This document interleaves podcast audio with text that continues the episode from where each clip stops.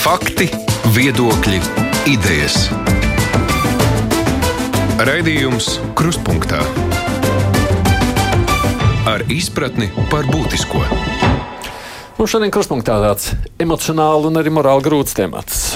Vai un cik ilgi vajag mākslīgi uzturēt cilvēku dzīvību, ja ārsti zina, ka palīdzēt viņam vairs nekādi nav iespējams. Šis jautājums jau pasaulē ir ilgstoši radījis daudz dilemmas. Mēs šeit un tad plašsaziņas līdzekļos redzam ziņas par kādu gadījumu, kad tuvinieki nespēja pieņemt kaut kur ārzemēs kopēju lēmumu, saglabāt kādu slimu cilvēku dzīvību vai nē. Sarežģītās situācijās tiesas ilgst gadiem, un līdz tam seko visa valsts. Kāds notiek Latvijā? Cik ilgi mēs uzturam cilvēkus mākslīgi pie dzīvības, un kas notiek, kad tuvinieki, pieņemsim, lūdz pacientu atslēgt no sistēmām? Izmisuma zonā - paliatīvā medicīna Latvijā. Pēta un risina raidījums Krustpunktā. Krustpunktā studijā šeit mums ir Saimnes sociālo un darba lietu komisijas priekšādātājs Andris Skride. Dien jums un no Veselības ministrijas veselības aprūpas departamenta ārstniecības kvalitātes nodaļas vanītāja Sanita Janka. Labdien Labdien. jums! Uh, neatliekamās medicīniskās palīdzības dienas anesteziologs, reanimatologs Roberts Furmans. Labdien! Un uh, Rīgas uh, Stradiņu universitātes docents, viņš arī Bērnu kliniskās universitātes slimnīcas pediatras intensīvās terapijas nodaļā Reinas Balmaks. Labdien arī jums! Labdien! Uzreiz jāsaka, jautājumi jautājumu jau ir aktualizējuši ārsti. Veselības ministrija rosinot pārskatīt šo pašreizējo situāciju. Mm, Raksturojam vispirms, kas vispār notiek, kāda ir tā pašreizējā likumdošana, ko paredz kārtība Jankas kundze. Patreizējā likumdošana paredz pacienta atteikšanos vai piekrišanu ārstēšanai, kas ir noteikts pacienta tiesību likumā. Bet tā konkrēti pat par pēdējo gribu tāda īsti a, pacienta tiesību likumā nu, tāda norma nav paredzēta. Uz doto brīdi Veselības ministrija kopā ar Latvijas ārstu biedrību strādā pie šī projekta, kas ir jādara, kādi normatīvu aktu grozījumi ir jāveic, lai varētu uh, legāli būt šī pacienta pēdējās gribas izpaušana, uh, un kuru šo gribu pacients savas dzīves laikā var mainīt.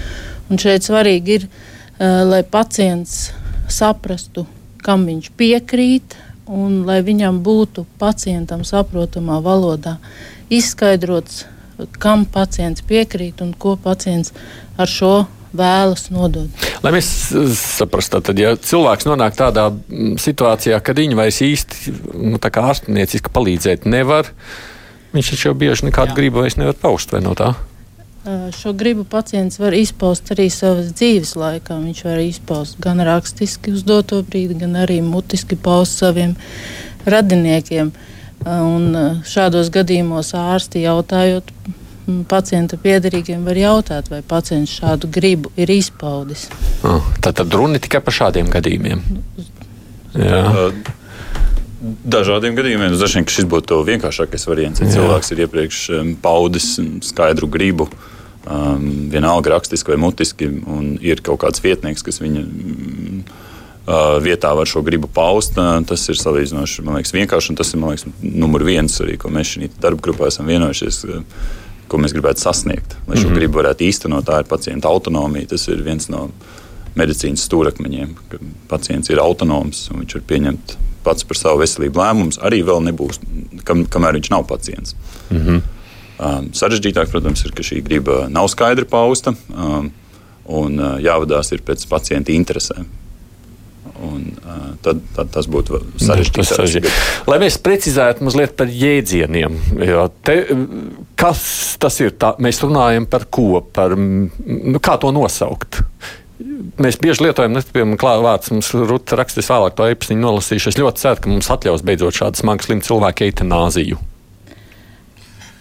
pacienta griba gluži nav, nav eitanāzija. Tas pirmais solis, ko mēs šobrīd uh, vēlamies uh, kopā ar Veselības ministriju un, un, uh, un komisiju atbildīgo saimas veikt, tad ir, te ir runa par grozījumiem pacientu tiesību likumā.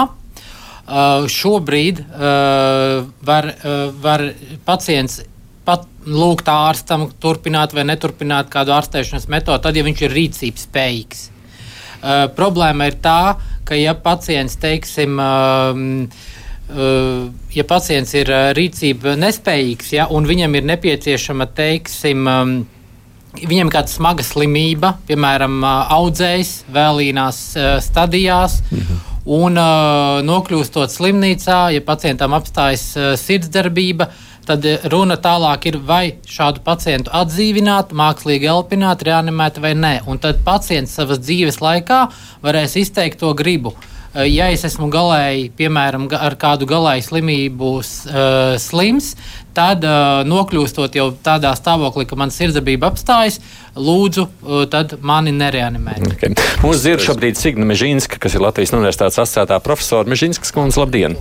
Labdien! Kā jūs definētu, par ko ir runa šobrīd? Man, pirmkārt, man paldies, ka jūs uh, tiešām cenšaties noskaidrot jēdzienus uh, šajā sarunā, jo uh, arī sabiedrībā šķiet, ka ir tāds apjukums, par ko mēs īsti runājam, ir daudz un dažādas sarunas. Uh, šajā darba grupā nav runa par eitanāziju, pilnīgi noteikti, jo eitanāzija ir mērķtiecīga nāves izraisīšana. Tas nav tas, par ko mēs šajā darba grupā runājam. Šajā darba grupā ir runa par to, kas eh, šobrīd Latvijā ir legāls par pacienta tiesībām dot iepriekš norādījumus par to, eh, kādas darbības ar viņu veikt vai neveikt dzīves noslēgumā. Tajos gadījumos, ja ir kāda smaga saslimšana, piemēram, un, un tā kā Dr. Skrīda, piemēram, minēja jau, ka uh, cilvēks nevēlas, lai viņu reanimē. Un tā, tas ir pilnīgi noteikti, ka cilvēka iepriekš dotie norādījumi ļoti palīdzētu ārstiem pieņemt lēmumus šādā situācijā un rīkoties pacienta labā. Tas, protams, neizslēgtu situācijas, kur, kur ir problēmas, kur ir dažādas, um, dažādi priekšstati tuviniekiem un tā tālāk, un tā tālāk, bet mēs tomēr dotu pacientiem iespēju paust savu gribu skaidrā veidā un atrisinātu diezgan daudzos gadījumos problēmas. Jūs sakāt, ka arī pašreizējā kārtība ir, nu, nav īsti. Nu, kas tad šobrīd pieņem to lēmumu? Nē, nu, ta, tas manuprāt, veselības ministrijas pārstāvji jau ieskicēja šo problēmu, ka, lai gan pacienta tiesību likums ļauj pacientam izvēlēties piekrist, nepiekrist noteikti veidā ārstniecībai, mums trūkst ļoti skaidras kārtības un skaidra dokumenta. Daudz kur ārzemēs, piemēram, runājot par nereanimēšanu, uh, ir, ir tāds dokuments, kurā ir pacients ar ārstu izrunā visus iespējamos scenārijus un riskus un pacientam ir pietiekami daudz informācijas, un tad viņš kopā ar ārstu pieņem šo lēmumu, ka noteiktā situācijā viņš lūdz viņu nereanimēt vairs. Tāds mm -hmm. faktiski jau nu, likums neliedz to šobrīd darīt, bet tā praktiskā problēma ir, ka nav skaidras formas un arī ārstiem nav, nav skaidrs, kā, kā teiksim, kuros gadījumos un kādā veidā izteiktu gribu viņiem ir vai nav jāņem vērā. Ja? Tād, tie ir tādi vairāk juridiski jautājumi, kurus noteikti vajadzētu atrisināt. Pirmkārt, lai, lai visi pacienti ir informēti, ka viņiem ir šādas tiesības, un otrkārt, lai gan pacients, gan ārsts zina, kādā veidā, ar kādu dokumentu palīdzību pacients šo gribu var paust, un, un kā ārsts var zināt, ka šāda griba ir pausta. Mm. Paldies jums, ka iezīmējāt mums šo ainu kopumā. Sigma Žinski, Latvijas Universitātes asociētā profesora. No tiem, kas mūs mēro video, var redzēt, ka mums arī ir cilvēks, ārsts, reanimatologs visā tērpā, gatavs jebkurā brīdī arī doties, ja vajag kādam palīgāš arī no šeit no studijas. Cik daudz, nu, jūs taču saskaraties praktiski tagad ar tādām situācijām, nu, kad jums ir jāglābj šo cilvēku? Nu, katru dežūru. Nu, lūk, ko, nu, Dzirdējāt tikko arī um, profesors sacīja to. Nu, cik bieži jūs nonākat dilemmā, jā vai nē? Um, nu, mūsu dilemma patiesībā diezgan grūti ir atbildēt uz šo jautājumu. Um, nu, pēc noklusēm viņi, viņi vienmēr ir jā. Nu, mēs ierodoties pie pacienta izsaukumā, kurš ir, kura dzīvība ir jāglābj, mēs darām visu iespējamo, lai, lai glābtu viņa Dzīvību uz to brīdi. Uh, šodien mums nav pieejams pilnīgi nekādas informācijas. Tam arī šobrīd nav juridiski pamata patiesībā par, par šī cilvēka brīvo gribu uh, dzīvot vai nē. Šajā konkrētajā situācijā, ņemot vērā viņa konkrēto saslimšanu. Bet, uh, protams, ir situācijas, kad uh, reanimācijas pasākumi tiek pārtraukti, un viņi tiek pārtraukti pie nosacījuma, ja pacientam ir iestājusies bioloģiskā nāve. Attiecīgi ir, ir smadzeņu nāve. Uh, viņa sirds ilgstoši neatbild uz, uz, uz medikamentu ievadi, uz krūškuru kompresijām, un, un, un, un šī prognoze uh, izdzīvošanai ir, ir, ir faktiski nulle. Un tādā momentā, protams, šie dzīvināšanas pasākumi tiek pārtraukti, bet, protams, izvērtē ļoti daudz faktoru. Tur slimība, anamnēzi, vai līdzcilvēki ir veikuši līdz šim kaut kādus atdzīvināšanas pasākumus, eh, cik ilgi viņš ir bijis bez atdzīvināšanas pasākumiem un tā tālāk. Tas ir ļoti, ļoti smags lēmums. Nu, protams, jūs gadījumā jau kāds izsauc doktoru, un tas nozīmē, jā, ka kāds grib, lai viņu izglābtu. Bet Furmanis vienmēr, kā saka, sniegs to palīdzību. Tu vairāk runa par to slimnīcas etapu. Bet tajā pašā laikā es tomēr vēl atgriezīšos pie uh, situācijas, kādā arī, no, no, man liekas, varētu nonākt neatliekamā medicīniskā palīdzība. Ingrīda rakstā, nu redz, kamēr cilvēks ir vesels, un viņam jautā, kā viņš gribētu, ja nonāk tādā situācijā, situācijā es neesmu nevienu dzirdējis, ka viņš gribētu, lai viņa dzīvība velk tik ilgi, cik vien var. Kamēr neko nesajūt. Bet radiniekiem to ir grūti pieņemt, jo viņiem liekas, ka būs, viņi būs mūžīgi vaininieki tuvinieka nāvē. Un tad ir tā, ka tie radinieki jau jūs izsauc, uh, kaut gan varbūt cilvēks nemaz negribētu, ka jūs sauc. Nu, redziet, pavisam nesen, uh, burtiski šajā nedēļā bija līdzīga situācija. Detaļās, protams, es neiedziļināšos, bet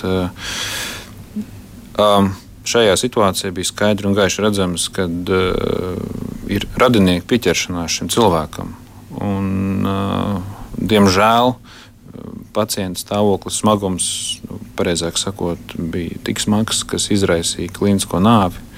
Uh, tūlīt pat arī bioloģisko nāvi, pat cik organisms bija novaināts un nebija spējīgs uh, funkcionēt, vai, nu, pareizāk sakot, šie nu, organisms bija ļoti vājš, kas nebija dzīvot spējīgs bez skābekļa apstākļos.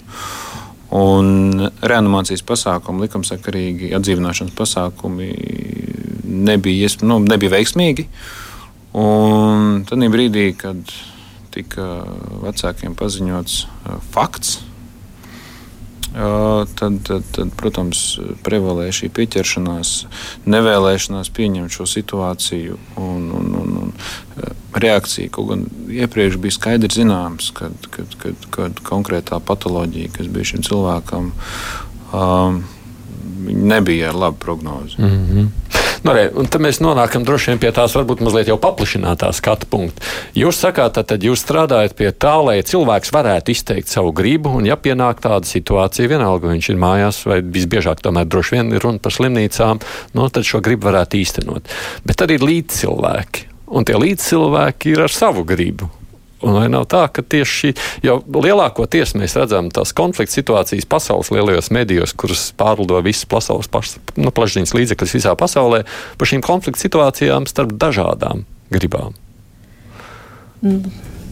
Mani komentārs, jā, jā nu, es strādāju pediatrijā, un, un tur šīs situācijas ļoti bieži nu, jā, ir īpaši. Jo, jā, pārsvarā tātad. Uh, dažādas ārstēšanas taktikas mēs saskaņojam ar vecākiem, kas parasti ir bērna aizbildņi. Un, Pārsvarā jau nav problēma. Vecāka intereses sakrīt ar bērnu interesēm, un viņa abi intereses sakrīt ar ārsta interesēm. Un konflikta situācijas jau neveidojas tik bieži, kā šķiet. Mm. Tāpēc jau tie gadījumi arī izskan presē un mēdījos.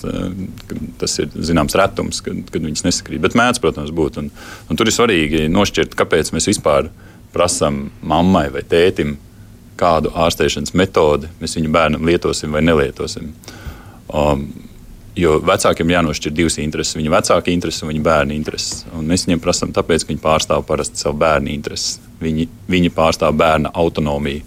Viņi pasaka, ko bērns, ko bērns gribētu, lai viņi dara, ja viņš būtu pilngadīgs, spriestspējīgs būtne.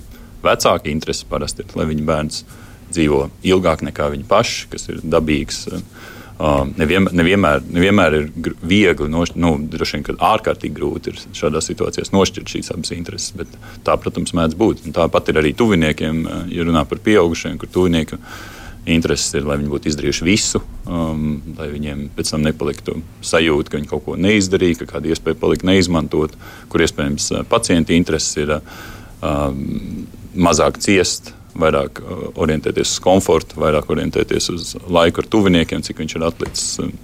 mierīgos apstākļos, cik tas ir iespējams. Kad, un atkal mēs runājam par situācijām, kad nav izredzes, nav cerību. Mm, nu jā. nu mēs zinām, Francijā liekas, tas bija pagājušā mēneša laikā, kad saskarās vecāku intereses un dzīves biedru intereses, kurā viens aizstāv vienu variantu un vecāka otru variantu. Tur jau ir tie, tie, tie gadījumi, kurš tuvinieks ir svarīgāks tuvinieks - sieva, vīrs vai mamma vai tētis. Vai jūs mēģināt risināt arī šādus jautājumus, jo šis jau arī ir dilēma jautājums? Nu, visus jautājumus mēs risināsim pakāpeniski, bet šī gadījumā tas primārais jautājums ir tā pacienta griba, ko pacients pauž uh, savas dzīves laikā. Un tad, kad viņš pauž šo gribu, viņam ir jābūt absolūti skaidram, kādos gadījumos šī viņa griba tiks īstenota. Un, uh, viņam ir tiesības ārstējušam ārstam uzdot jebkuru jautājumu, kas saistās ar šī lēmuma pieņemšanu, viņam saprotamā valodā. Un šeit ir arī nu, ir jānodefinē diezgan precīzi arī tie gadījumi, kuros gadījumos šo pacienta gribu ņem vērā. Un pacienta griba visticamāk nebūs vienīgais noteicošais faktors, kad tiks šis lēmums pieņemts. Kam tad vēl būtu jābūt? Nu, tur arī ārsts, tas, ka šī slimība nav izārstējama un ka tuvākajā nu. laikā iestāsies pacienta nāve. Un, uh, pacientam ir tiesības cieņpilni nomirt, un teiksim, arī šīs ārstniecības met metodes vai ārstēšanas nu, nedos, ārstēšana nedos nekādu rezultātu un var šim pacientam radīt papildus sāpes vai ciešanas. Vai... Tas ir kāds ārsta koncīlijs, kurš beigās pieņem, nu, kurš pieņem to galīgo lēmumu tajā brīdī, kad tā, tā situācija ir. Varētu pieņemsim, nu, tāpēc ir vajadzīga darba grupa, ka šie jautājumi nav tik vienkārši. Nē. Būtu vienkārši, tad, tad viens cilvēks apsēstos un uzrakstītu. Nu, pie, pieņemsim, varētu būt tāda situācija, ka cilvēks slimo no depresijas. Viņš, viņam ir ārkārtīgs pārsinājums, viņš iet Viņš uzraksta, ka viņu nevajag glābt un, un veids pašnāvības mēģinājumu, un ka tas īstenībā ir vienkārši neārstātas slimības vai, vai slikti kontrolētas slimības, vienkārši krīze kur var pārvarēt, un pēc tam cilvēks grib atkal dzīvot. Nu, tāpēc, tāpēc, tāpēc ir ārkārtīgi uzmanīgi un niansēti jāiet cauri visādiem šādiem scenārijiem un, un, un jāparedz, kā to varētu. Nu, tā, tā, tā versija, ko mēs um, šobrīd attīstam, ir um, pagaidām par somatiskiem pacientiem, ne psihiatriskiem pacientiem. Um, pagaidām, ka tas notiktu, kaut kā, būtu kaut kāda veida reģistrs, kur reģistrēt savu gribu. Uh, tā varētu būt e-veselības platforma, un ka to darītu kopā ar ārstu. Mm. Kur ārsts tad arī apsvērtu, vai šis pacients ir rīcības spējīgs, spriestspējīgs. Uh, un, mm -hmm. un, un, ja tā griba ir adekvāta, tad veikt attiecīgo mm, atzīmi šajā reģistrā. Mm. Mums ir kāds klausītājs zvans šobrīd. Jā, lūdzu! Labdien! Labdien. Ziniet, man tāds jautājums ir. Man, es esmu slimoju ar artrītu un pamatā diagnozi man arī ir vēzis. Ja? ja tagad es pa mājām staigāju jau trīs gadus ārā nekur neej, knapi ko virzos un knapi ko ap sevi apkopju. Ja es esmu atstājusi vēstuli uz galda medic, medicīnas darbiniekiem, kad man saslimšanas gadījumā ar insultu vai infarktu, es vairs negribu, man, lai man atdzīvina, es vienkārši gribu nomirt. Man 81 gads, es visu savu dzīvi esmu izdzīvojis. Vai tas pietiekoši būs. Man, mani tuvinieki arī to visu zina. Viņi pasmaida tikai, bet man tā vēstule stāv visu laiku uz galda. Nu, arī viens ļoti nu, absolūti konkrēts jautājums. Mums tāds es, es baidos, ka pašreizējā situācijā Latvijas apstākļos um, šī uh, vēstule varētu ne, nebūt pietiekama. Ja tiek, ja tiek aktivizēta, ja tiek aktivizēta medicīnas servisi, tad jā, tā, tā varētu būt vēstule tuviniekiem, ko darīt. Uh, bet uh, šāda veida atteikums uh, viņam nav šobrīd um, likumiska spēka. Bet jūs teicāt par to, ka mums jau ir likums jā, kurš saka, ka ir jāņem vērā cilvēka griba vai nē. Kas tad ir tajā likumā, kas jāmaina būtu? Lai varētu šo nu, šobrīd ir uh, atruna par to, ka pacients var atteikties no ārstēšanas. Uh, savukārt mans arguments ir tas, ka pat ja cilvēks ir atteicies no uh, dzīvību uzturošām terapijām, viņš nav, manuprāt, vienmēr atteicies no ārstēšanas. Viņam, mēs parasti šādos apstākļos turpinātu aprūpēt cilvēku. Mēs viņu tur, turpinātu aprūpēt ar, ar, ar piemērotām metodēm. Šis kundzes stāsts man liekas ārkārtīgi cilvēcīgs un būtisks. Un tas ir arī tas, ko mēs gribam panākt, lai, lai, šā, lai, šai, lai šai kundzei būtu iespēja paust savu gribu, kas būtu saistoša gan viņas vietniekiem, kas pieņems lēmumu gadījumā, ja viņi nebūs spriestspējīgi, gan ārstiem. Nē, tuviniekiem, kas pasmaida. Jums ir komentārs tagad šīs klausītājas. Jā, es ļoti teikt, man tante pirms desmit gadiem viņa arī šādu pašu vēstuli bija sagatavojusi. Un vienmēr ierodoties slimnīcā, viņa pirmais, ko rādīja ārstiem, nu, jau bija mm. teiksim, slimība. Viņa arī bija uzrakstīts, lūdzu, ja man apstājas sirdsdarbība, mani nereanimēt. Un? Un, uh, re, re, respektē, nu, varbūt ne, ne, nesanāca tāda situācija. Jā, tāda situācija. Šim dokumentam nav juridiska spēka šobrīd. Jā, tam nav. Arī ierodoties pie kaut vai pacients, kas sievietes, kur kundzes, kas uh, tikko arī Jā, tas... izteica savu viedokli pa telefonu. Um, Vispirmkārt, mēs nemeklēsim šādu zīmi. Un viss fokusēsimies uz uh, viņas dzīvības glābšanu. Ja mēs atradīsim šo zīmi, varbūt tās tas būs tikai informatīva rakstura dokuments vai vienalga kas tas ir, vienalga kādā formā viņi ir uzrakstīti, kas tiks paņemts līdzi uz ārstniecības iestādi. Un, un Viss, tālāk, jau... Bet vai jūs atbalstāt, nu tā ir personiski, jūs atbalstāt, ka šai nu, ka šādas kundas vajadzība, un viņi jau tikai pārstāv, es domāju, ļoti daudz šobrīd mums klausītājs, ka tā būtu jāmaina, jārespektē Latvijā. Es viennozīmīgi jā. Jūs jā? Protams. Jā, noteikti. Jūs tā kā visi iestājaties par to, ka būtu jā. Tas nozīmē, ka, mums, ka mēs saprotam, ka situācija ir jāmaina, bet nu, pašlaik viņi ir tādi, kādi viņi ir. Cik ilgs laiks ir vajadzīgs, lai šādai kundzei viņas vēstule beigās būtu derīga? Ir kāda versija? Cik jums laiks ir vajadzīgs, lai mēs nonāktu līdz rezultātam? Nu, Vispirms ir tas, tas netaps ātri, es baidos, jo arī ārstu starpā ir dažādi viedokļi.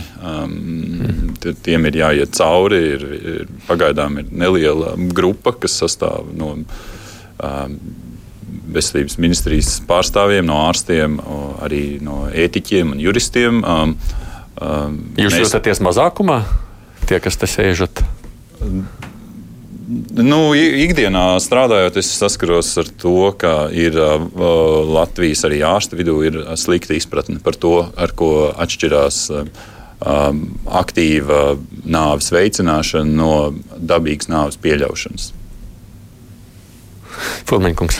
Nu, te ir ļoti svarīgi arī sakārtot juridisko bāzi arī attiecībā uz ārstu juridisko aizsardzību. Un liela daļa medicīnā strādājošo bet tīpaši ārstu vidū izturās piesardzīgi pret šo normu, ņemot vērā to, ka e, tomēr ir likumdošanā ir caurumi, e, kas e, pasargātu ārsta rīcības brīvību. Neiet runa par kaitēšanu pacientam, bet ir runa par lēmumu pieņemšanu. Pieņemsim mm -hmm. medicīniskās kļūdas dekriminalizēšanu, ja, kad lai ārsti netiktu krimināli sodīti par uh, nejaušība, kas ir notikusies. Jo, eh, jo ārstēšana tas ir process, un ik viens procesa laikā var pieļaut uh, neapzināts kļūdas. Un, ja viņš par šo tiek krimināli sodīts, tad, protams, nu, tas, jā, tas ir tieši krimināli sodīts. Jo šobrīd jā. mēs esam vienīgā Eiropas valsts palikusi, kurā ārstam ir krimināla atbildība mm. tieši. Jā, bet šobrīd ir tāda situācija. Es domāju, šīs kundzes, piemēram, atkal skatoties tie tuvinieki. Uh, Nu, būtībā tā, tā, tā izšķiršanās tā ir uzlikt uz tuvinieku pleciem. Ja sievietei, pieņemsim, paliek tik slikti, jā, ka viņas saka, vairs nevajag glābt, tad tuviniekiem jāizlēmj, jā, saukt ātros vai nē. Nu, lūk, tā būtu ļoti nežēlīga situācija arī tuviniekiem. Aha. Jo iespējams, ka uh, pat ja viņa, šī kundze nevēlas, uh, nu, man jāatvainojas viņai, ka mēs viņu visu laiku tagad, tā pieminam. Ja. Nē, nē, nu, kundze, bet, es domāju, labprāt zvanīt, tāpēc viņa nebilst. Tas, ka, mēs, tas, ka viņa nevēlas. Vai viņai, piemēram, liek elpošanas caurulīti un slēdz pie elpnām aparāta, vai masē krūšu, kur viņai apstājas sirdsdarbība, kas, manuprāt, uh, cienījamā vecumā ar, ar daudzām blakus slimībām ir tiešām neliederīgi daudzos apstākļos. Tas nenozīmē, ka viņai medicīna nevar palīdzēt. Viņai medicīna var joprojām nodrošināt komfortu, lai viņi neciestu, lai viņai nesāpētu, lai viņa būtu aprūpēta, lai viņa būtu izgrozīta un lai beig beigās viņas šīs pēdējās stundas būtu ciešana brīvas. To medicīna joprojām var nodrošināt. Un tas būtu ļoti nepareizi, ka tuvinieki tā, ah, bet ja mēs izsauksim, tad viņi, protams, intubēs, un to viņi vienmēr teica, ka nevajag darīt. Un, tas, man liekas, arī nebūtu pareizi. Tāpēc man liekas, ka būtu ļoti labi, ja viņai būtu tāda iespēja iet ar savu ģimenes ārstē veselībā un, um, un atzīmēt tās lietas, kas viņai ir pieņemamas, kas droši vien ir um, izklausās komforts, atsāpināšana un tās lietas, kas viņai nav pieņemamas, kas ir saistītas ar agresīvu, agresīvām metodēm, kas rada ciešanas, bet pagarina dzīvību. Jā. Piemērs par, par arī pavisam nesen, kur ir pacientam ir onkoloģiska saslimšana, viņa stāvoklis ir smags, viņa stāvoklis pasliktinās ar dienām. Un, un, un radinieki ir pieņēmuši lēmumu tomēr vērsties pie neatliekamās medicīniskās palīdzības dienesta. Un tad mēs nonākam pie šī pacienta izsaukumā, kur stāvoklis ir tiešām ir smags. Viņš ir ārstēšana, izārstēšanās nav iespējama. Ir iespējams šo procesu varbūt tās pa minūtēm pagarināt. Un tad ir tāda smagā saruna ar radiniekiem. Nu, es esmu jau aicējis, nu, nu, kāds ir mūsu rīcības plāns. Viņiem tika piedāvāta vairāk scenāriju visā šajā situācijā, tad radiniekiem ir jāpieņem šis lēmums. Turpretī pacientam nav bijusi iespēja paust savu gribu, ko viņš gribētu, lai viņu izdara. Jo, jo tas, ka pacients nomirs, ir zināms. Jautājums ir tikai kad un cikos un tuvāko dienu, varbūt tās stundu laikā. Tad ir jautājums, vai viņš grib aiziet mūžībā, esot savā mājā, savā gultā pie saviem tuviniekiem, vai esot slimnīcā, kur viņš būs viens no 20 pacientiem, uz kuriem būs viena medicīnas māsa, kas vaigas viedros būs skrējusi un iespējams nespēs pilnvērtīgi veltīt savu laiku šī pacienta aprūpēšanai. Tas ir ļoti, ļoti smags jautājums. Bet nu, jūs jau neesat tiesīgi, ja nemaz ne, nepaildzināt dzīvi. Tā es saprotu, šobrīd par tām stundām aizvelkot. Nē, mēs esam tiesīgi paildzināt dzīvi. Tiesīgi, jā, paildzināt, jā, bet nepaildzināt. Nepaildzināt, nē, mēs nekādu medicīniskā intervenci, lai tā jau būtu faktiski nāves izraisīšana, kas ir, manuprāt, krimināli nosodām mm -hmm. rīcība. Un mēs neveicam darbības, kas paīsina šo procesu. Mēs varam pagarināt procesu. Uh, pēc noklusējuma mums ir jāveic. It kā ir jāveic šīs darbības, lai, lai, lai uzturētu cilvēka dzīvību, lēmumu par, par kas arī, manuprāt, ir šīs darba grupas jautājums par terapijas atcelšanu. Tas arī ir ārsta konsilija lēmums, tam būtu jābūt, bet uh, arī, arī šobrīd šis jautājums nav izrunāts. Līdz ar to arī tas ir tāds juridiski ļoti smags jautājums, jo vienā brīdī pacienti piederīgie saprot šo situāciju Un citā situācijā viņi pēkšņi, pēkšņi savu, savu viedokli maina. Es personīgi šobrīd esmu nonācis situācijā, kur, kur bija ilgstoši jāveic atdzīvināšanas pasākumu pacientam prognoze, lai būtu pilnvērtīga izvesļošanās. Tur bija tuvu nulē, bet neskatoties uz to, mēs meklējām situācijas, kur pieķerties.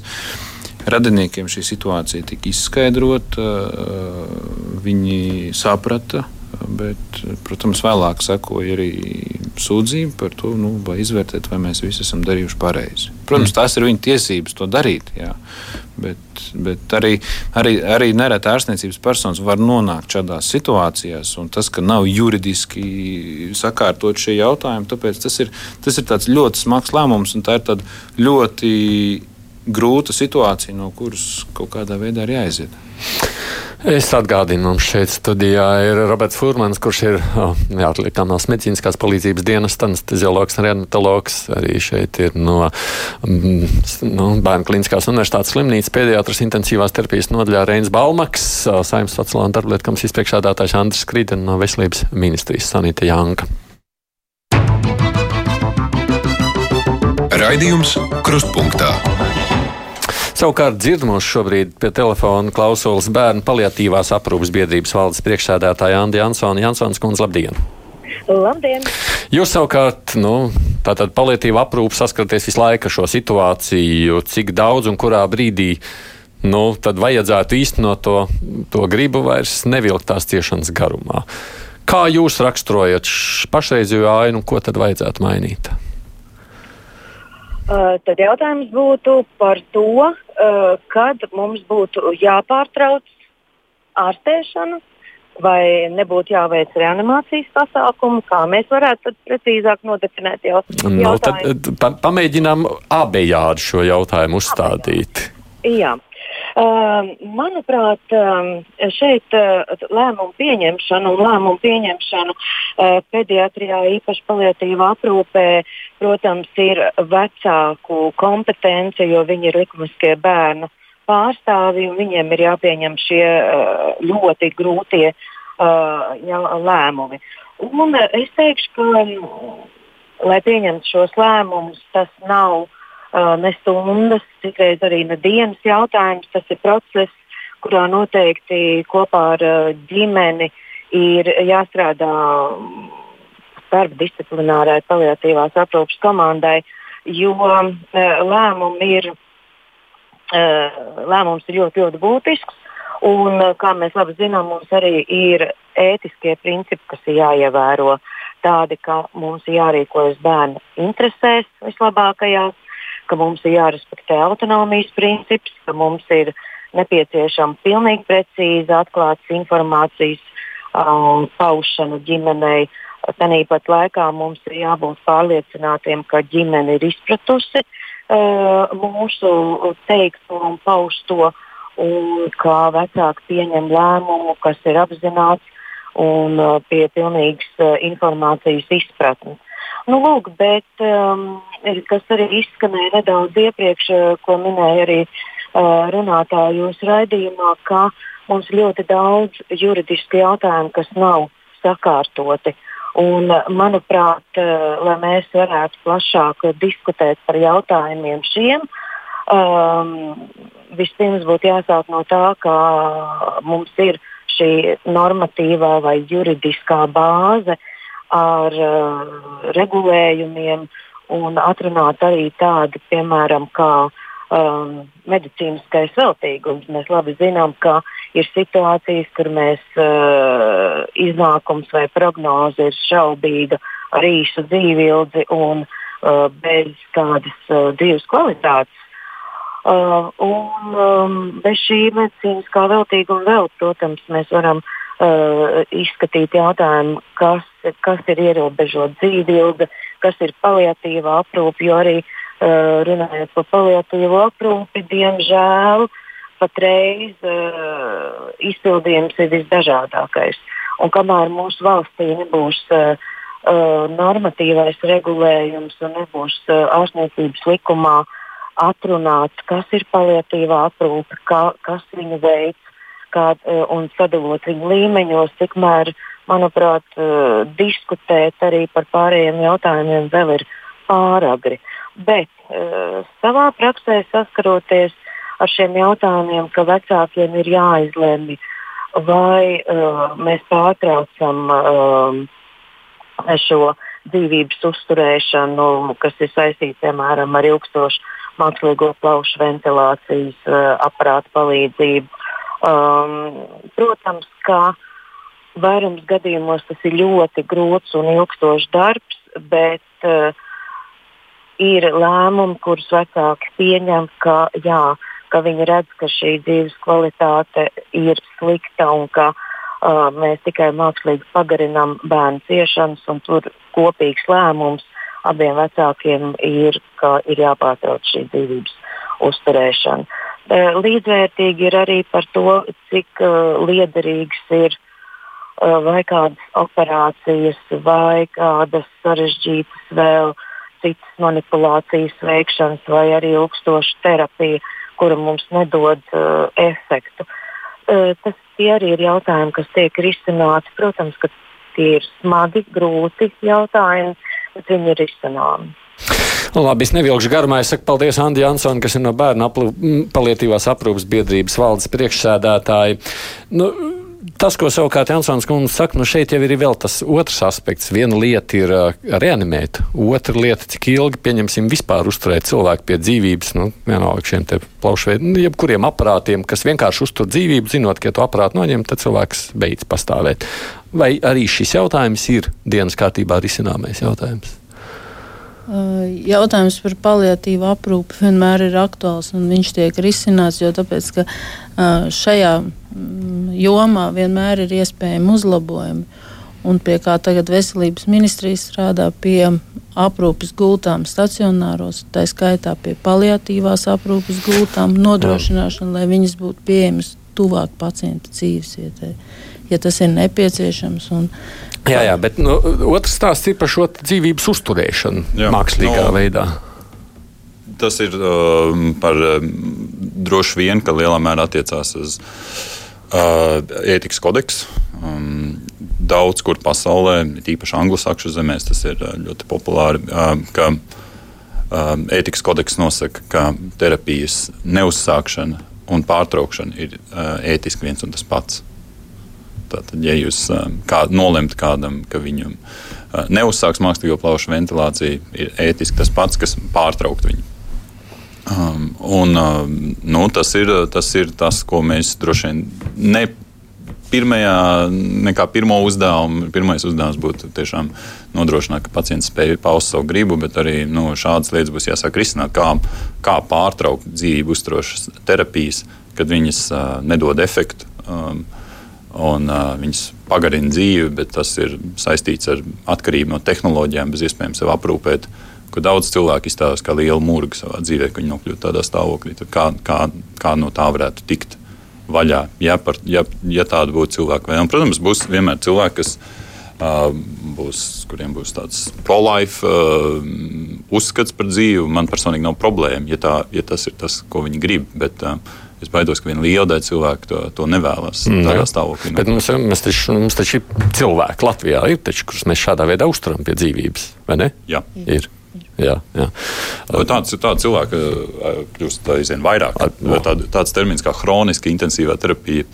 Uh, ir, nu. uh, ir aktuāls tāds īsts komentārs par to, ka apmēram, nu, tas ir pasaules dati, apmēram 10% no visiem pacientiem, kas ir bērnu intensīvā terapija, tāpat bērnu intensīvā terapija, aizņem vairāk kā 60% gultas dienu. Tā, tādi bērni, kas ir hroniski, kuriem ir hroniska, intensīva mm -hmm. terapija nepieciešama e, pediatrijā, pieaug, pieaugušos slimībās, tas pats. E, tas var nodrošināt, ka skābeklis tiek nokļūst asinīs un turpina riņķot, bet no, tas notiek tikai uz aparāta rēķina, bez, bez cerībām viņas atvienot. Tā, Tā ir realitāte.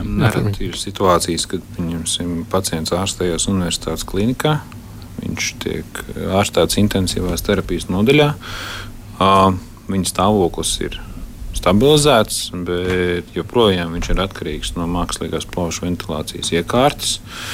Joprojām viņš ir atkarīgs no intensīvas uzraudzības, iespējams, kaut kādas medikamentu ievadas, un tad brīdī viņš nonāk zemāk līmeņa ārstniecības iestādē, kur arī viņš, viņa dzīvība faktiski tiek uzturēta intensīvās terapijas nodaļā. Ja viņu neelpinās, viņš nomirs no hipoksijas, jeb no skābekļa bada. Ja viņu elpinās, tad visticamāk, šis process būs ilgstošs un savukārt šī te, uh, mākslīgās plaušu ventilācijas pārtraukšana. Tas nu, faktiski varētu pielīdzināt uh, cilvēka nāves izraisīšanai, kas atkal ir nu, tiksim, ļoti smags jautājums. Un, nu, līdz ar to jā. Bet, ja cilvēks grib, un te mēs atkal nonākam, cilvēks saka, nu, es negribu, vai es visi beidziet mani mocīt, nu, neturiet man pie tā aparāta. Jā, tāpēc uh, es domāju, ka es tiešām ceru, ka uh, darba grupa nu, teiksim, divu, trīs mēnešu laikā uh, nāks pie, būs rezultāts. Tad tas nākamais darbs ir Veselības ministrija šo likuma projektu iesniegs Saimā, Sociālo un darba lietu komisijā. Un, mēs to liksim dienas kārtībā. Arī veselības ministra arī jau ir teikusi, un arī es saku, tā ir, tā ir viena no prioritātēm arī likumdošanas.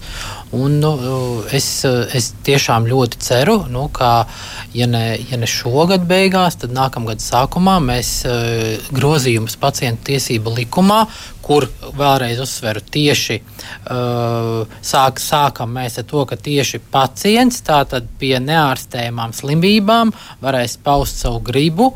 Uh, ka mēs viņu nereanimējam, neintubējam, neatdzīvinam. Ja? Un tie pārējie soļi, uh, ko jau mēs minējām.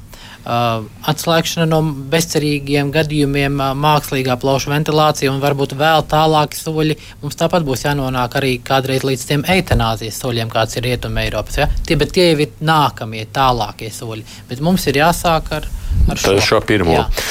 Runājot par šo pirmo, tad kas tad būs tās gribas izteikšana? Nu, kā tad paredzēts? Nu, te man klausītājs raksta, vai tetovējums uz krūtīm nereanimēt, vai tikt uzskatīts kā pacienta brīvā griba. Nu, cilvēks... Nu, tāds ir ļoti slavens um, saucamais gadījuma apraksts. Um, no Amerikas Savienotajām valstīm, kur iestājas um, vīrietis ar šādu te tetovējumu. Un, um, lielās ārzemju universitāšu klīnikās pastāv tāda iespēja, kā sasauktē ētikas koncīlija. Tas um, šis, šī gadījumā tā, tā arī notika. Viņi lēma, ka šis um, ir brīvās gribas paušana. Tas ir Amerikā, protams, kur, kur nav obligāti jābūt uh, rakstiskam kaut kādam, kur savu gribu, pacienta gribu var paust viņa dzīves biedrs bez rakstisks. Tur tas ir diezgan. Um, nu, tetovējums arī rakstisks. jā, jā. o, nu, protams, tetovējumi var uztetovēt 15 gadu vecumā un pēc tam pārdomāt. Un, um, tad, Tas, es domāju, ka mēs tik, tik niansēts un sarežģītas uh, izņēmumus. Tas nav, tā, tā nav primā, prim, primārā problēma. Ne, primārā jā, jā. problēma ir palīdzēt um, šai jūsu klausītājai, kas pirmie zvanīja. Jā, bet jā. Nu, arī papildinot uh, Reina teikto, ka uh, pat arī tajā brīdī, pirms sanāk šis etikas komisijas koncīlijas, jebkurā gadījumā pacienta dzīvība uh, tiks, tiks manuprāt, tiks uzturēta. Jo nu, to nevar ieraugot uz ielas. No, nu šādu situāciju es nedrīkstu šo lēmumu pieņemt vienatnē. Tas, tas būtu noziegums, manuprāt. No nu jā, tik tālu tas ir skaidrs. Runa ir par to, ka tas tiek darīts kopā ar ģimenes ārstu. Ja? Tikai un vienīgi. Ne tikai ar ģimenes ārstu, tas varētu būt arī ārsts speciālists, tas varētu būt ārsts onkologs vai kāds cits Aha. ārsts speciālists. Bet Uh, kopā ar ārstu, un ārstam būtu pacientam jāizskaidro, kas tas ir, no ko viņš uh, ar šo atzīmi veids.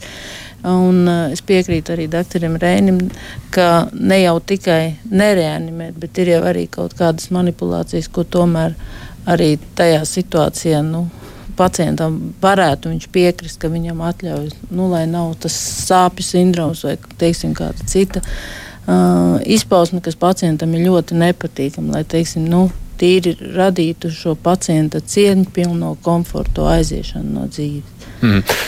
Šobrīd tā kundze, kas sacīja, ka viņa ir atstāta zīmīt uz galda, ar to nepietiks arī pēc likuma grozījumiem. Uh, nu, Visticamāk, ka nē, jo ka tur nē. jau būs arī noteikti tīri medicīniskie uh, stāvokļi, kuros gadījumos to nedarīt.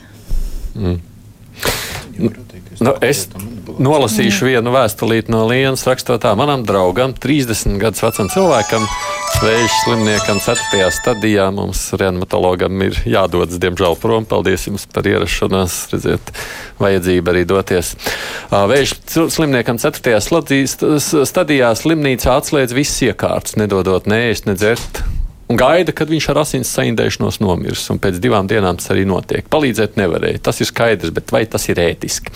Nu, re, bet uh, tas, ko Lienas raksts saka, kaut kādā mērā tas tomēr notiek Latvijā šobrīd. Kad, uh, arī var pieņemt šādu lēmumu. Nu, jā, nu, protams, arī esošās likumdošanas ietvaros ir, ir mm, pietiekami daudz tādu punktu gan pacienta tiesību likumā, gan ārstniecības likumā, kas ļautu to, to izdarīt. Bet nu, vienmēr ir tie likumi šobrīd nedaudz runā viens otram pretim. Um, Uh, no vienas puses ārsts ir brīvs, no otras puses pacientam ir tiesības. Um, un, un ārstiem vienmēr šādās situācijās ir uh, nedaudz bail, protams, no, no kaut kādām juridiskām sekām, un, un nav tādas sajūtas ikdienā praktizējot, ka uh, es to varu izdarīt šādā ceļā, un tas ir. Uh, ētiski un juridiski skaidrs, ka tā drīkst darīt. Tādas sajūtas praktizējušiem ārstiem šobrīd nav. Mērķis jau nav obligāti pārmainīt likumdošanu. Mērķis ir parādīt šo ētisko un juridisko ietvaru, kā to var darīt. Es, pieļ, es, es gan esmu diezgan pārliecināts, ka tur vajadzēs dažas jaunas normatīvas, tur vajadzēs um, kaut kādu standartizētu veidu, kā šo gribu reģistrēt. Bet, uh, tā, tā Daļēji, protams, to ir iespējams praktizēt esošās likumdošanas um, ietvaros. Jā, bet vienmēr būs kāds tuvinieks vai kāds pazīstams, kurš sacīs, nē, nē, nē nu šis nav pieļaujams. Kāds varbūt gribēs un kāds nē. Es atkal atgriežos pie šīm Jā, nu, dažādiem nu, gribām. Tieši, tie, tas, tieši tā jau ir tā problēma. Ja esat pareizi uztvērs, tad, tad to mēs mēģinām risināt. Mm. Nu, man jau, protams, cilvēki visi jautā arī par to, kas notiek brīdī, kad cilvēks vairs pats nevar, bet viņš nav izteicis to gribu. Cik tad tomēr tuviniekiem būs un kuriem tuviniekiem tad būtu tiesība pasakīt un šī cilvēka vietā izlemt? Tad, kad pienāk tāds brīdis, jo droši vien, ka nebūs jau tā, ka lielākā daļa ierakstīs šo te savā. Nu, tas arī ir atrunāts šobrīd, kas ir pacienta vietnieki droši vien, ka šo tēmu tādu atļa, dabīgas nāves atļaušanu vai pieļaušanu noteiktās situācijās, nelietojot noteiktas ārstēšanas metodas. Ārstu koncilijas sarunā ar, tu, ar tuviniekiem varēs izveidot tā, tam vajadzētu būt. Jā. Nu, bērnu gadījumā tas ir vienkāršāk, tur ir vecāki. Bet tāda vecāka cilvēka gadījumā, kas tie ir meitas, vīrs, Nu, tiem būtu bērni. jābūt noteiktiem cilvēkiem, kas ir atrunāti uz doto brīdi pacienta tiesību likumā, bet ir jāņem vērā arī tas, ka viņiem būtu jāpauž e, šī pacienta vēlme, nevis uh, konkrēto sievas, vīra vai bērnu vēlme, Nē. bet tāda vēlme, ko ir nu, būtu paudis pats pacients savā dzīves laikā. Un šī gadījumā jau svarīgi ir arī tas, ka uh, arī ārstējošiem ārstam ir pacientam. Ne, pacienta tuviniekiem jāpaskaidro arī esošā situācija, lai viņi saprotu, nu, cik šī situācija ir nopietna. Un ka, teiksim, nu, arī pielietojot ārstēšanas metodas, nu, būtībā nemainīsies. Tas rezultāts būs uh, nāves iestāšanās. Nu. Jā, jūs arī teicāt, ka pediatrija vienkārši es, es gribētu jums oponēt. Mm. Ir, ir zināms, ka daudz bērni ar um, hroniskām problēmām atrodas aprūpas namos, tad, kurš par viņiem var pieņemt šādus lēmumus. Tur ir pietiekami daudz juridisku nianšu. Es, es, mēs esam vēl tikai pašā sākumā. Šobrīd, šobrīd tas, ar ko darba grupa reāli praktiski nodarbojās, ir jēdzienu skaidrojuma un definīcijas. Un mm. Mēs mēģinām ar tām vienoties, tad mēs viņus noteikti rādīsim kaut kādā um, Latvijas mums ir plāns to Latvijas ārstu biedrības ētikas komitejai um, piedāvāt un turpināt diskusijas. Pirmais būtu jānodefinē, tātad, kas ir um, tātad, uh, nereanimēšana vai dabīgas nāves pieļaušana, kas ir um, dzīves noslēgums, kas ir paliatīva aprūpe. Nu, šie, šie termini ir numur viens darbs, kas ir. Es nolasīšu Rūtas Niences rakstīto. Es ļoti ceru, ka tuvāko desmit gadu laikā Latvijā tiks atļauta arī smagi slimu cilvēku eitanāzija. Tas ir pilnīgi absurdi un liekulīgi, ka slimus mājas mīluļus ir iespējams iemidzināt, lai atvieglotu viņu ciešanas, bet cilvēkus nē.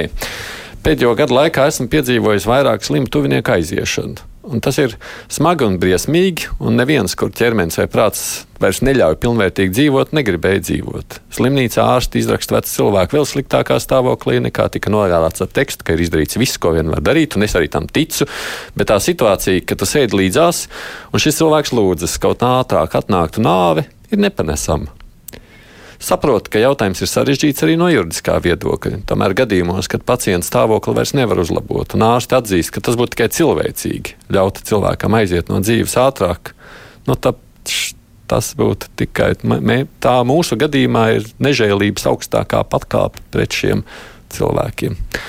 Nu, ir, ir, protams, arī būtiski iebildumi pret uh, eitanāziju. Um, pirm, pirmais ir tas, ka, lai varētu eitanāzi ieviest, pret ko man personīgi nu, tā.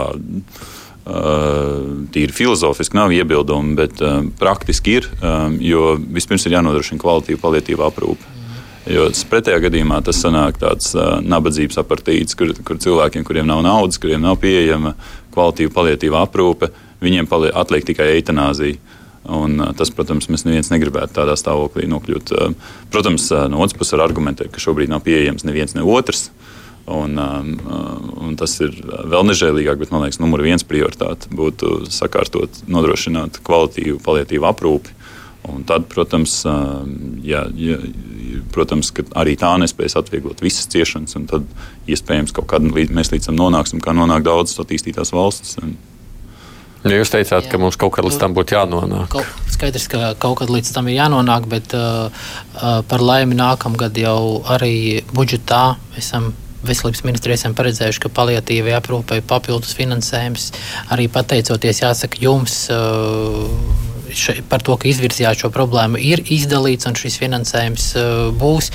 Un, uh, tas, ka kādreiz, uh, tad, kad mums būs tā paliatīva aprūpe, būs jānonāk arī līdz uh, eitanāzijai, uh, tas, tas, tas ir tikai nākotnes jautājums. Nu, jūs prāt, cik tuvs? Tad klausītājs minēja desmit gadus. Nu, pieci, desmit gadi es arī tāpat ceru. Ko jūs teikt par šo? Nu, Es piekritīšu Skritas kungam, jā, ka 5, 10 gadi nu, droši vien ne ātrāk. Jo vispirms mums ir jāsakārto šī pacienta gribas. Un, jā, te, un te, tiešām tā kā doktors Reinis Balmaks jau arī teica, ir jāmāca arī kolēģi, jo nereti nāks redzēt arī to, ka mm, pat kolēģi nu, faktiski zina, kā pacients ir teiksim, termināli gala, gala slims. Ja, un, Un, uh, neskatoties to tāpat, uh, bet zinā, te ir runa jau par zināmiem. Te nav mm. runa, kur aizsteidz uz māju, ir jābūt slimnīcā, viņam ir tiešām slimības slims. Un, un tomēr izvēlas reanimēt. Kaut gan zina, ka labi, mēs, no, mēs to veiksim, un tad cilvēks pie trupas nodzīvos vienu dienu, divas dienas, un tāpat tas beigsies. Ja te ir jā, sākam ar šo vienkāršāko punktu, tas, ko jau darba grupa dara. Nu, Tālāk ar šo sāpīgo tematu, kā mums klausītāji saka, esam runājuši dažu mēnešu laikā. Gaidām, kad būs vismaz likuma projekts saimā nokļūs, lai varētu šo pēdējo gribu šādā veidā runāt par reanimācijas neveikšanu īstenot. Es jums saku paldies, ka atnācāt uz Kruspunktā studijā mums šodien Andris Skriders, Saimnes sociālā darba lietu komisijas priekšsādātājs no Veselības ministrijas veselības aprūpas departamenta ārstniecības kvalitātes nodaļas vadītājs Anita Janka. Savukārt Rīgas Traģiņu universitātes docents ir Bērnu kliniskās universitātes slimnīcas pediatrs, arī intensīvās terapijas nodaļā Reinis Balnaks. Paldies jums! Es piebildīšu, Roberts Fūrmans no neatliekamās medicīniskās palīdzības dienesta ir aizsteidzies uz izsaukumu un cerams, ka tur viss būs labi. Mēs par medicīnu rīt arī runāsim, tāpēc, ka rīt mums amatpersonu stundā būs iespēja izjautāt neatliekamās medicīniskās palīdzības dienesta vadītāju Lienu Cipuli, kā tādās reizēs parasti. Tad gan ne, žurnālisti, gan arī klausītāji varēs uzdot savus jautājumus. Šīs dienas redzījuma producenti Evi Junām un studijā redzījuma vadīja es, Aidis Tomsons.